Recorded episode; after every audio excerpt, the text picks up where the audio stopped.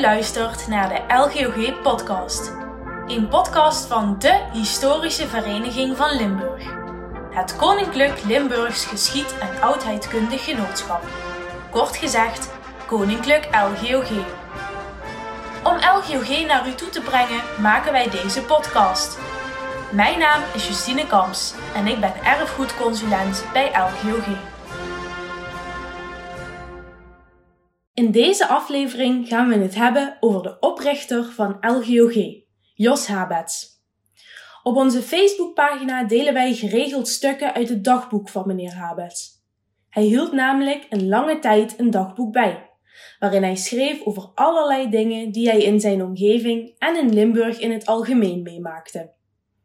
In zijn dagboek komen we berichten tegen over het oprichten van LGOG, het weer in Limburg en de verschillende culturen die Habets tegenkwam in de provincie. Daarnaast deelde hij ook minder gezellige verhalen over oorlog, honger en moord. Maar wie was die Jos Habets? Waar kwam hij vandaan en wat deed hij allemaal tijdens zijn leven? Daar gaan we het in deze aflevering eerst over hebben. Daarna zullen we samen met Habets het Limburg van de 19e eeuw gaan verkennen. Hij zal u voorlezen uit zijn dagboek. Maar eerst, wie was Jos Habets? Johannes Josephus Habets, die meestal gewoon Jos of Jozef werd genoemd, werd op 27 november 1829 geboren in Oorsbeek. Hij was de oudste van zeven kinderen. Zijn ouders waren de hoofdonderwijzer Jan Matthijs Habets en Maria Catharina Widdershoven. Jozef groeide op in een zeer gelovige familie. Zijn oom, Jan Willem Habets, was pastoor in Luik en twee broers van zijn moeder waren kloosterlingen.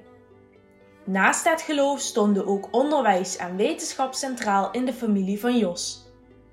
Hij besloot dan ook om in zijn volwassen leven dezezelfde onderwerpen een rol te geven. Zijn eerste opleiding volgde hij van 1843 tot 1852 aan het Kleinseminarie te Rolduc. Daarna ging hij naar het Grootseminarie te Roermond, waar hij in 1856 tot priester werd gewijd. Jos was kapelaan in Hunsel van 1856 tot 1859, in Bunde van 1859 tot 1862 en in Berg en Tableit van 1862 tot 1878. Daarna ging zijn grote wens in vervulling. Hij werd eindelijk pastoor. Deze rol vervulde hij van 1878 tot 1881 in Wolder. Zijn benoeming tot pastoor bleef lang uit, omdat Habets theologisch gezien gematigd liberaal was en daarom de autocratische structuur van de 19e-eeuwse katholieke kerk sterk bekritiseerde. Hierdoor werd Habets pas op 49-jarige leeftijd pastoor. De grootste passies van Jos waren geschiedenis en archeologie. In de tijd dat hij pastoor was in Wolder, leidde hij een aantal archeologische opgravingen in de omgeving van Maastricht. Hij was onder andere aanwezig bij de opgravingen van de Romeinse villa's in Meersen, Valkenburg en Kadir en bij de opgraving van de Romeins-Keltische grafheuvel aan de Bemeler Grubbe in Scharren. Als streekhistoricus en archeoloog was Habets autodidact.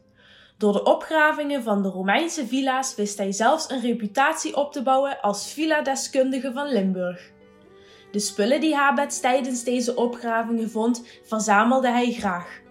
Veel voorwerpen verdwenen dan ook in zijn persoonlijke collectie.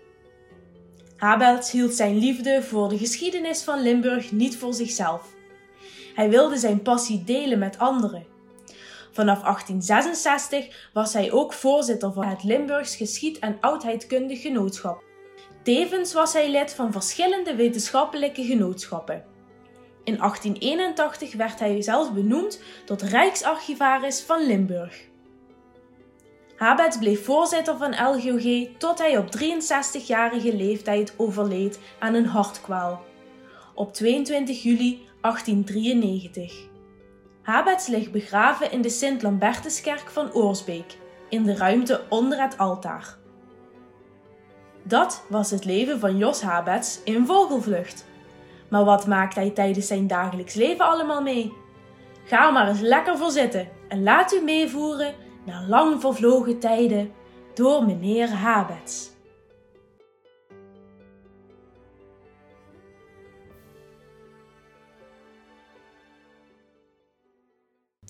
27 april 1853. Heden is Monsignor Belgrado, nuntjes van de Paus Den Haag, hier aangekomen voormiddag ten 10 uren. Om 11 uur kwamen de professoren uit het seminarie roepen om de nieuwe bisschop in te voeren. Dit geschiedde seffens en in grote stilte. Geen tien mensen waren in de kerk, de klokken werden niet geluid en geen priesters waren tegenwoordig buiten de deken de kapelaans, de professoren van het seminarie en die des collegies. Nog zang, nog muziek was er. Toen de stad van deze gebeurtenis hoorde, was men gans verslagen, want groot apparaat was gemaakt om onze bisschop plechtig in te voeren. Men zegt dat het ook zo stil en piano heeft afgelopen bij de invoering der overige bisschoppen, want dat zou de wil van Pius IX geweest zijn, omdat de protestanten zo woelen en het liberaal ministerie Torbekke gevallen is. De bisschop heeft de eed afgelegd in handen van Monsignor Belgrado en de erbij zijnde priesters hebben als getuige het procesverbaal getekend. En de Christofkerk is kathedraal geworden. De nuntius is des namiddags met de bisschop hier in het seminarie geweest. Monsignor Belgrado was een grote, bezette en welgevleesde man, had wat edels in zijn trekken, grijs haar, groot kaal voorhoofd, kromme neus en een lang aangezicht. Hij heeft geen enkel woord aan de theologanten gesproken, ofschoon men hem een aanspraak gedaan had en de hymne Pius IX Roma gezongen had. Bij het einde deze hymnes klapte zijn bediende hevig in de handen, zeker als blijk van vaderlandse herinnering op vreemde grond. Belgrado vertrok bij den avond naar Venlo. 28 april 1853. Des anderen daags hadden we vrij en konden des namiddags uitgaan. Ik nam dit verlof gewaar om de brug Kessel te bezien en omstreken. Swalme is een mooi dorp. Sint-Jan Nepomucene staat op de brug die de Swalm dekt. De kerk is eenvoudig, heeft een altaar aan Sint-George gewijd. Verder ligt Bezel, een nietig dorp als in hei en woud begraven. De kerk is tamelijk gelukt. Tussen Zwalm en Bezel hebben wij een oude toren ontdekt, van tiegelstenen en kalk gebouwd, gelegen bij de Zwalm. Een oude vrouw vertelde ons dat hij de Oude Borg heette, maar wist verder niets. De toren was rond en omtrent 30 voet hoog, scheen met schietgaten voorzien en scheen door geweld omvergehouden of geschoten te zijn. De oude lieden van deze streek dragen een rode, hoge vilte hoed, een witte vlasse voorschot, een korte broek van Manchester of Tartij en een korte buis. Blauwe kielen. Doch kort met blauwe voorschot is meer de dracht der jonge lieden. De vrouwen dragen maaskanten mutsen zonder lint, waarvan de beide zomen als gordijnen hen over de rug afhangen. De bodem dier mutsen, welke hen het halve hoofd bedekken, is zeer groot. Verder dragen ze een katoenen of linnen voorschot in alle kleuren en een lang vrouwenkleed met lijf en jupe eraan vast. Onderweg zagen wij een arme heibewoner zich karig strooisel voor zijn kudde zoeken. Hij sneed met een brede, stompe zeis de kleine heiplanten af om die onder de koeien te strooien, want het stro is in die onvruchtbare stroken zeer raar. De bewoners van het onderland gelijkt meer op den os waarmee het land bewoont en de bovenlander op het moedige paard. Kessel is een mooi dorp. Het heeft vroeger wallen gehad en heet de stad. De muren zijn er van keistenen. Dit kasteel is door Caesar gebouwd en van hier ziet men Vendo, Tegelen, Velde, Belveld en Roermond.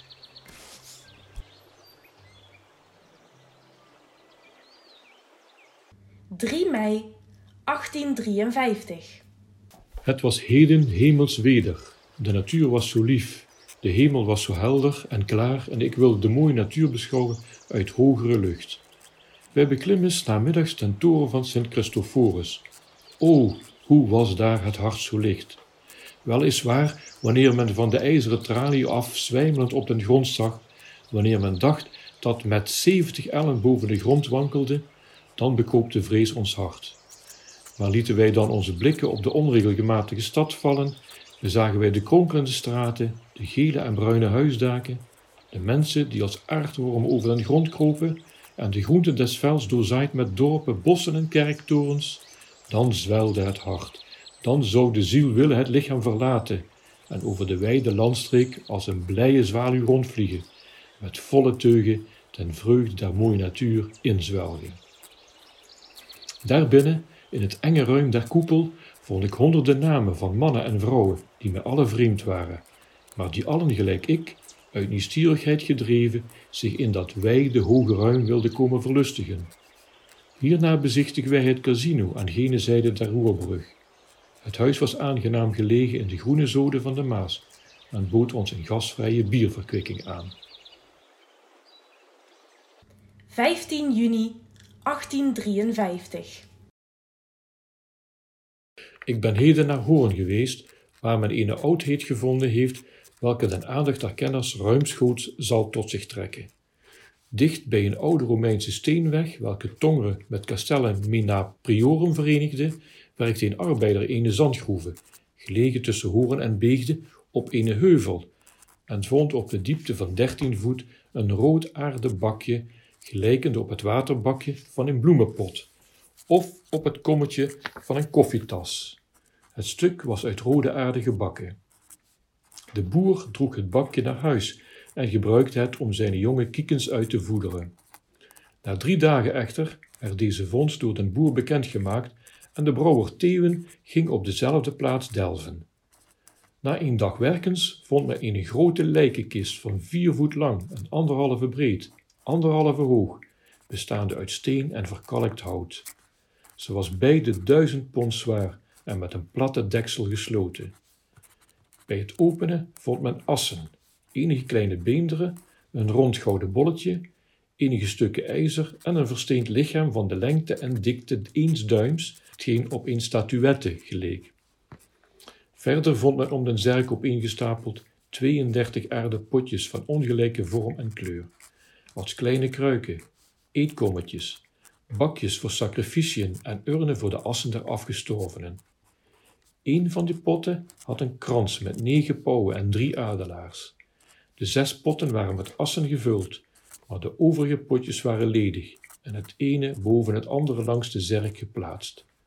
De oudheden die goed behouden zijn, staan voor het publiek te zien open bij de heer Thewe te horen. 20 oktober 1853 Den 20 oktober 1853 is de eerste spoorweg die Limburgs bodem doorklieft, te weten die van Maastricht op Aken, plechtig te Maastricht ingewijd. De afstand tussen de twee steden werd in 1 uur en 3 minuten afgelegd. Ongeveer 1600 personen bezochten Sanderendaags met een pleziertrein van Maastricht het zo heerlijk gelegen dorp Valkenburg. De drukte was zo groot dat de herbergen en logementen al daar niet toereikend waren om allen te ontvangen. Bedankt voor het luisteren naar aflevering 1 van de LGOG-podcast. Alle dagboekteksten die zijn voorgelezen in deze aflevering zijn te vinden op onze website. De productie van deze aflevering was in handen van mij, Justine Kamps. Alle teksten komen uit het dagboek van Jos Habets. De stem van Jos Habets werd ingesproken door Henk Boersma.